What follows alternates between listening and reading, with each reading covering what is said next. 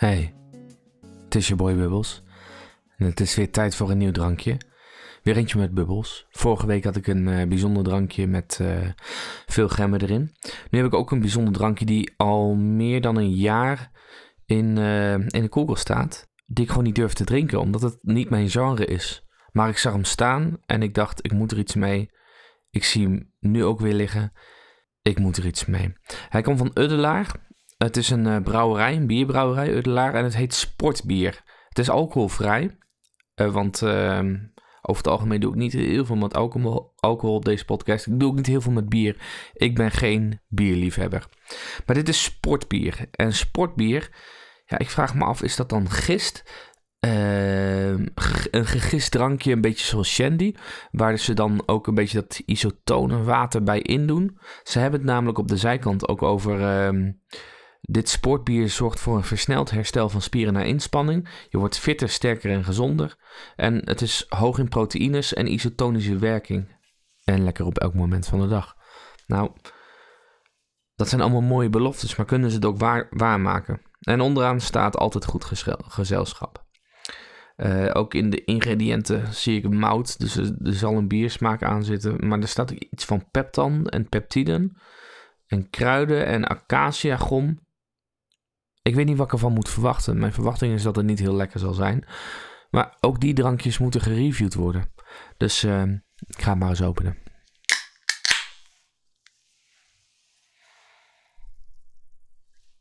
Het ruikt inderdaad gewoon naar bier. 0.0 bier. Ik kan nog niet een soort shandy-achtig zoetje erin ontdekken. Hij schuimt wel aardig. Dat heb je vaker bij dit soort drankjes. Uh, en ik ben niet zo heel erg fan van het. Ik ga gewoon eens een slokje nemen. Ik kom hem alleen achter als ik een slokje neem.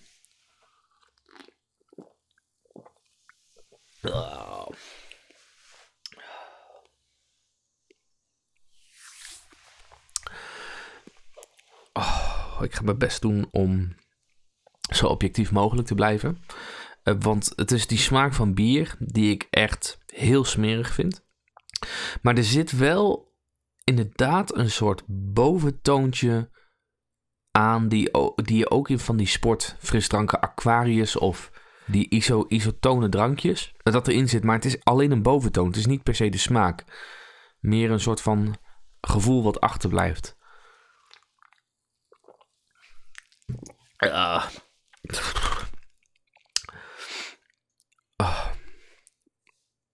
Het is ook heel bitter. Ik denk dat als je van bier houdt en je bent sporter en je wil niet alcohol en je wil isotoon, is dit dan het perfecte drankje? Ik zie die combinatie alleen niet heel vaak gebeuren. Mensen die heel intensief sporten, maar ook heel intensief bier drinken. En dan ook nog 0.0, dus het is ook weer een beetje een afgang, want het is dan ook weer geen alcohol. Ik denk dat dit drankje een soort van niche probeert te bereiken die, ja, die, die heel klein is. Het zal ook niet heel populair zijn. Wat wel uh, interessant is, um, ik ben de afgelopen week tegen twee documentaires aangelopen op Netflix.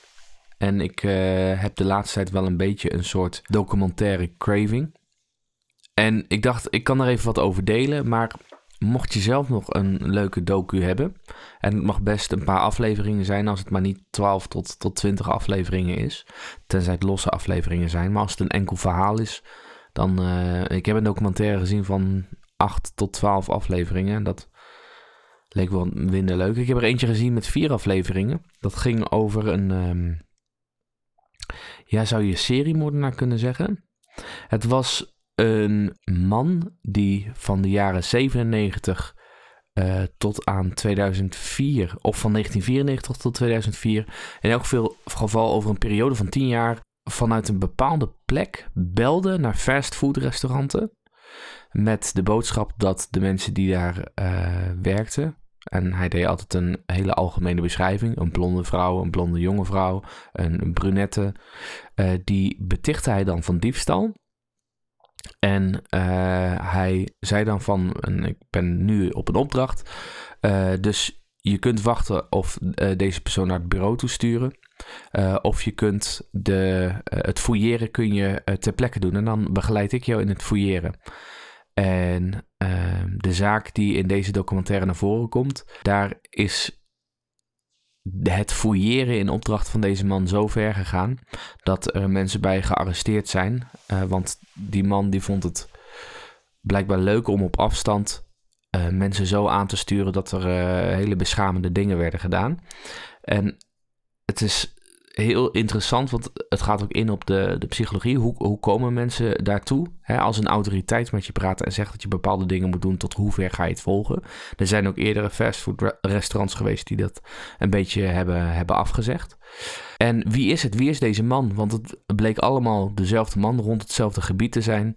En uh, hebben ze die man uiteindelijk ook kunnen vangen? Daar gaat het over. Hij uh, heet volgens mij Don't Pick Up the Phone. Ja, net even gekeken. Hij heet inderdaad Don't Pick Up the Phone. Uh, maar het is een, uh, het is een best een interessante, intrigerende documentaire. En een ander, die is wat vrolijker. um, die heet Love on the Spectrum. En die volgt ehm, verschillende mensen met ook verschillende vormen van autisme. En daar is echt een idioot groot palet aan uh, mogelijkheden uh, in hoeverre autisme mensen soms kan, uh, kan hinderen. Bij sommige mensen hebben ze echt nou ja, een beetje de belevingswereld van, van, een, van een kleuter. Maar sommige autisten die zijn bijvoorbeeld verder heel intelligent, maar die vinden contact leggen heel moeilijk. Of die zitten heel erg in een soort van sprookjeswereld, een eigen belevingswereld. Of die zitten heel erg echt vast in bepaalde ideeën en die vinden ook dat hun partner dan daar tegenover zit. Maar die zijn wel allemaal op zoek naar gewoon een partner om ook dingen mee te delen. Een, een, uh, een, een levenspartner, een goede date. En verschillende mensen volg je daarin. Je leert ook die mensen kennen, hoe ze, hoe ze thuis leven. wonen ze dan nog bij hun ouders? deels begeleid of wonen ze op zichzelf? En hoe komen zij door het leven heen? Wat zijn hun eerdere ervaringen? En het is bijzonder aandoenlijk. Ik had van tevoren ook niet verwacht dat ik het zo ontzettend leuk zou vinden. Het zijn zes afleveringen. En uh, we zijn nu vaak twee afleveringen bij het avondeten aan het kijken. Uh, we moeten nog één aflevering kijken. Die gaan we dan uh, straks nog even kijken. Maar meerdere keren dat je eh, ontzettend moet lachen erom. Omdat het zo ontzettend anders is dan wat je kent. Maar het is ook zo aandoenlijk. En je ziet de mensen tussen en je gunt het ze echt ontzettend. Als je een beetje affiniteit hebt, of gewoon hè, hoe, hoe mensen denken, als je dat interessant vindt, is dit echt een ontzettend interessant uh, iets. Het wordt niet gesensationaliseerd. Af en toe heb je wel eens wat, wat bepaalde awkward stiltes. En dan doen ze ook een awkward muziekje onder of zo. Maar het is, ze proberen dat niet ten koste van die mensen te doen. Omdat je, ja, je, je, je, je hebt wel een beetje zo'n moedig ze aan gevoel. Love on the Spectrum heet het. Het is ook echt een interessante, ook op Netflix. Dat zijn eigenlijk mijn uh, twee, twee aanraders. En ik vond het wel leuk. Mochten jullie ook een documentaire hebben die ik uh, echt zou moeten kijken. Uh, me on it. stuur een berichtje of doe een reactie bij bij Instagram. Daar ben ik heel makkelijk te bereiken.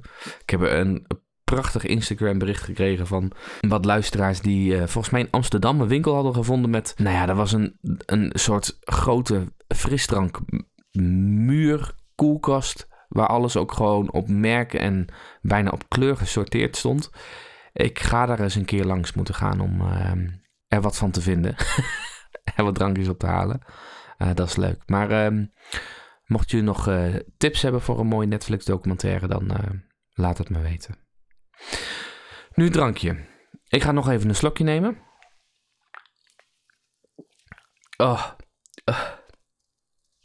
Uh. Die smaak van, uh, van dat zo'n citroenen isotonen drankje komt meer naar voren. En hoe meer die naar voren komt, hoe smeriger het is. Dit is uh, dit is weer een Marijke Helwegen. Nu heb ik hem twee keer achter elkaar. Maar ja, ik ben gewoon geen bierfan. Ik, het zal het ook nooit echt zijn. Marijke Helwegen 4,3. Omdat er vast ook mensen zijn die het echt geweldig vinden. En voor de niche is dit echt een uitkomst. Goed, dan is het tijd om de podcast te promoten. Vind je dit een leuke of interessante podcast? Deel deze podcast dan met, uh, met vrienden, familie. Ja, want bij deze podcast heb ik het over van alles. Um, ik doe wel eens een quiz. Ik nodig wel eens mensen uit. Hou ik een interview. Ik um, vertel wel eens wat over muziek, over documentaires of over gek nieuws. Vind je dit een leuke of interessante podcast? Deel het dan met vrienden, familie of ehm, mensen die ook nog op zoek zijn naar liefde. Want liefde voor een podcast kan heel diep gaan. Goed, dan is het tijd om het blikje te kraken. Ik neem nog even een laatste slok. Gewoon om toch even goed afscheid te kunnen nemen. Uh, onderkant is altijd extra bitter. Waarom doe ik dit? Ik kan het blikje wel kraken. Want ik heb stiekem uh, wat weggegoten van het drankje. Goed, dan wil ik jullie bedanken voor het luisteren. En dan hoop ik dat ik jullie een volgende keer weer spreek. Doei!